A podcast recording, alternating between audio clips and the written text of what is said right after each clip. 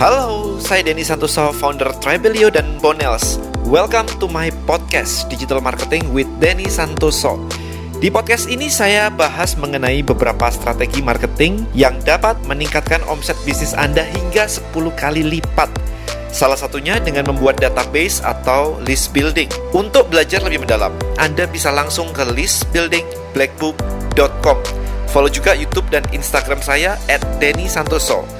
Di sana saya juga berbagi ilmu mengenai digital marketing dan mindset setiap hari. Right, ayo kita mulai. Enjoy the podcast and see you inside. Saya barusan ngisi acara di salah satu university di Indonesia. Nah, ada satu pertanyaan yang cukup menarik nih, yaitu dan apa yang kamu lakukan kalau kamu lagi down karena bisnismu gagal? So there is a very good question, teman-teman. Kayaknya semua semua hampir hampir semua orang pernah mengalaminya gitu ya, ngerasa down, ngerasa fail dan sebagainya. So how I handle that? Nah, kemarin saya sempat diskusi, sempat ngobrol gitu dengan beberapa teman. Saya sempat ditanya, "Dan what is your uh, biggest uh, event, uh, bukan biggest event ya, biggest failure ya dalam hidupmu?" Waktu saya mikir-mikir apa jawabannya ya, saya, saya sampai akhirnya meng, mengatakan seperti ini. Kok saya agak kesulit, kesulitan ya ketika disuruh menjawab pertanyaan kayak begitu. Jadi saya lagi mencari-cari my biggest failure apa ya? Itu itu satu. Kedua adalah kemarin itu ditanya apa opinimu sebagai bisnismen tentang anak-anak yang sekarang ini daripada um, fokus ke bisnis, mereka lagi mau ng ngelakuin misalkan jadi jadi content creator aja atau jadi atau investasi kripto aja gitu kan.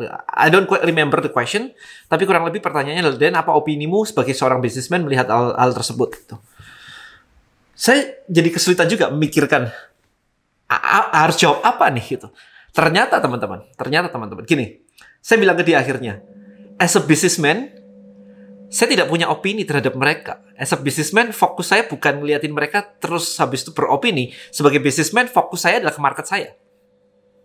Jadi fokus saya adalah goal saya di bisnis saya. Saya I'm building Tribelio right now. I'm building Bonels right now. Fokus saya adalah di Tribelio and di Bonels. That's it. I don't care about orang main crypto. I don't care about orang buka cafe, buka coffee shop. I, I don't care about orang jadi content creator itu bukan fokus saya. Dan saya tidak punya pendapat terhadap mereka.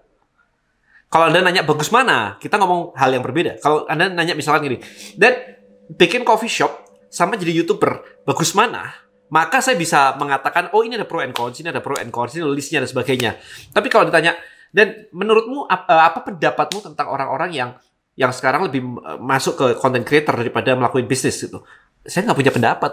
Ya, that's it gitu. Nah, Oke, dari sini teman-teman. Saya pengen sharing kepada Anda satu cara berpikir saya yang membuat saya lebih aman dan lebih damai. Yaitu adalah no judgment. Oke, okay, no judgment. Why? Sekarang gini. Ketika Anda melihat sesuatu dan Anda beropini, kita cenderung ngejudge. Oke, okay, ada orang beratnya 100 kilo. Itu fakta. Oke, okay, naik ke atas timbangan muncul angka 100 kilo. Itu fakta. Tapi begitu Anda mengatakan itu gemuk lah, itu jelek lah, dan sebagainya, itu jadi sebuah judgment. Oke. Okay. Kita terbiasa ngejudge. Kita terbiasa ngejudge. Um, YouTube, konten, Instagram, semuanya adalah tempat terbaik untuk melatih kita ngejudge orang. Itu bagus lah, ini benar lah, ini salah lah. Semua itu adalah opini. Memang tujuannya adalah tidak netral. Kalau netral jadi media biasa, media biasa kadang-kadang juga nggak netral, ya kan? Jadi selalu punya opini. Which is oh it's okay, tapi jadi pedang bermata dua. Why? Karena ketika Anda terlatih untuk ngejudge something, Anda ada itu, oh jelek, oh ini kurang ini, oh itu orang itu begitu, oh ini anak orang kaya ini. It's all judgment. Ya, ada teman buka restoran, oh papanya orang kaya, papanya baru dapat warisan, papanya baru dapat ini. Itu judgment. Harusnya buka restoran, selesai. Si A buka restoran, that's fakta, itu fakta, selesai. Tapi begitu ditambahin, maka itu jadi judgment. Oke. Okay? Nah, ketika Anda biasa ngejudge orang, memberikan label habis itu. Anak orang kaya lah, anak inilah, anak pintar, anak bodoh, whatever. Akhirnya, proses itu jadi built-in ke diri Anda. ngejudge-nya ini. Ngejudge-nya itu jadi sebuah program yang yang you know, biasa Anda lakukan. Nah, problemnya sekarang, problemnya apa? Ketika Anda melakukan sesuatu pun, Anda akan terbiasa ngejudge diri Anda juga. Akhirnya dikasih label. Jadi labeling ini muncul karena judgment. Maka, ketika bisnis Anda bangkrut, yang terjadi adalah Anda habis ngejudge, saya gagal. Kalau gagal, maka berikutnya apa? Saya down. Padahal gagal dan down itu adalah sebuah state yang yang Anda ciptakan sendiri. Oke, okay, itu Anda kalau Anda shoot bola basket, Anda nggak masuk, Anda gagal dong. Tapi Anda nggak ngasih label bahwa Anda gagal. Ya udah ambil bolanya shoot lagi, ambil bolanya shoot lagi, ambil bolanya shoot lagi.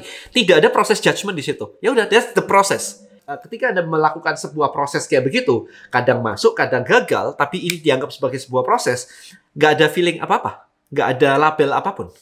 Tapi begitu Anda ngasih label bahwa, oh bisnis saya bangkrut, berarti saya adalah orang yang gagal. Dan kalau orang yang gagal dan barusan bangkrut, wajar dong kalau saya lagi down. Imagine teman-teman, kalau shoot bola basket dan kemudian tidak masuk, maka next activity Anda adalah mengambil bola dan nge-shoot lagi. Cepet, shoot, ambil, shoot, ambil, shoot gitu. Oke? Okay? Cepat.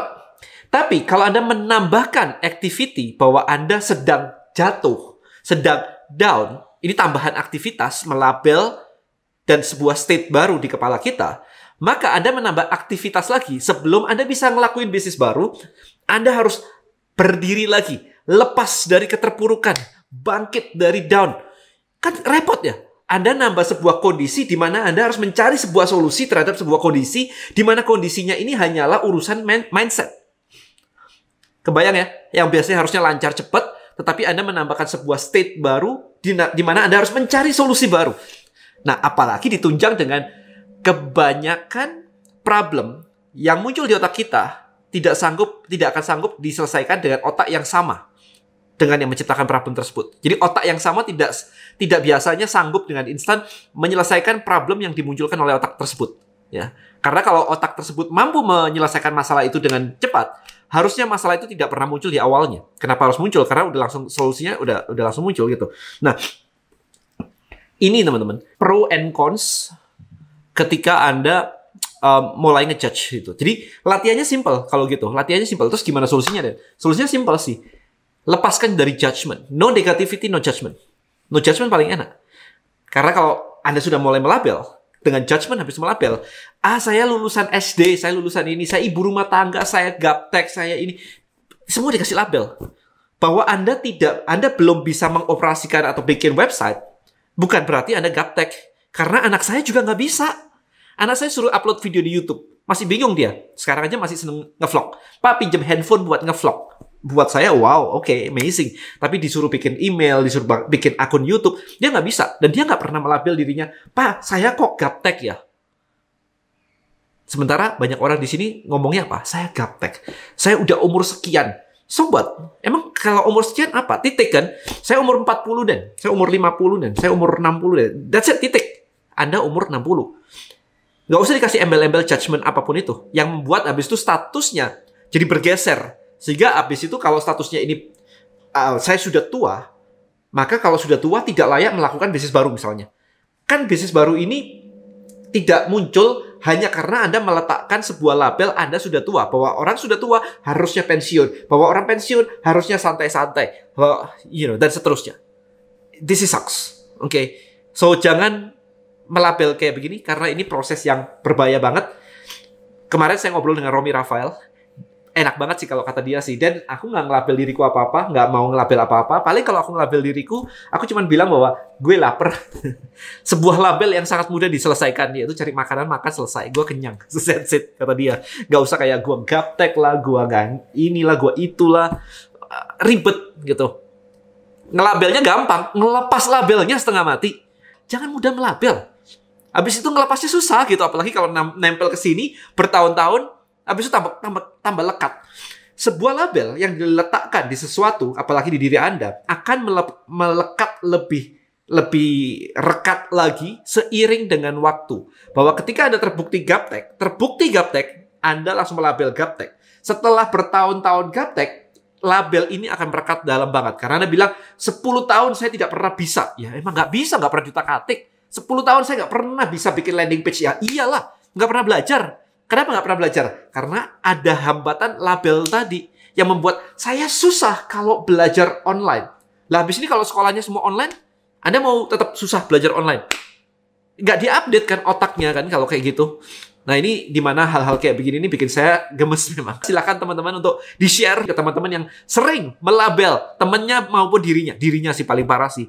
Gua kan gini, gua kan gitu, gua kan nggak bisa ini, gua kan nggak bisa itu. Bagikan ke mereka biar mereka itu melek. Tapi kalau masih melabel, bukan tanggung jawab Anda bahwa mereka nasibnya seperti itu karena mereka sendiri yang melabel diri mereka. Tanggung jawab di diri Anda masing-masing.